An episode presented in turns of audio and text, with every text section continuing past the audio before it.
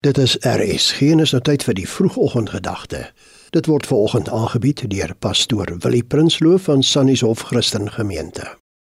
Hallo, ek sal graag saam met u lees uit Filippense 2 vers 7. Maar Jesus het homself ontledig deur die gestalte van 'n diensknegt aan te neem en aan die mense gelyk te word.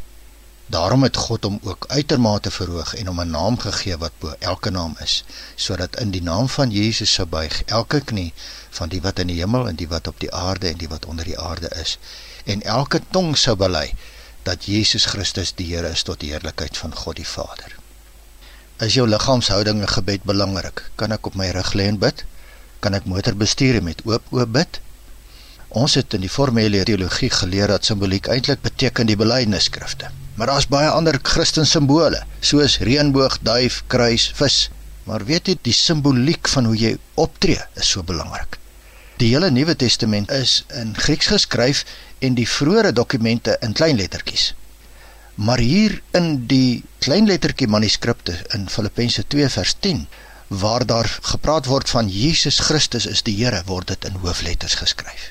Paulus sê vir die Filippense, julle het nou baie goeders bereik, maar julle moenie iets doen uit selfsug of uit eer nie. Julle moet eensgesind wees, maar die een moet hom hoor ag as die ander. Jy moet jouself verneder en kyk na die voorbeeld van Christus sê hy. Magsbehepte regerders en kerklike gesag selfs laat mense graag voor hulle buig.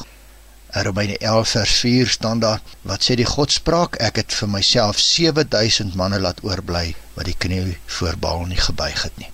Paulus stel die liggaamsposisie en gebed eintlik as sinonieme in Efesiërs 3 vers 13. Buig sy knieë en bid. Die woord sê jy buig voor geen mens nie, nie eers voor die pragtigste vrou as jy vra om te trou nie en ook nie hooggeplaastes soos Mordegai geweier het om voor Haman te buig nie. Daar is geen groter getuienis vir ander mense, geen groter simbool vir jou kinders en kleinkinders dat hulle jou sien buig en kniel voor die drie enige God nie. 'n Mens kan nie op jou knieë gaan as jy aan tafel tafelgebed doen nie. Maar kan ek jou uitdaag om een keer 'n week op jou knieë te gaan en voor die Vader, Jesus en die Heilige Gees en kyk wat dit doen aan jou gees en aan jou kleinkinders as hulle jou dit sien doen. Kom ons bid saam. Here, ons buig voor U want U sal ons eendag verhoog.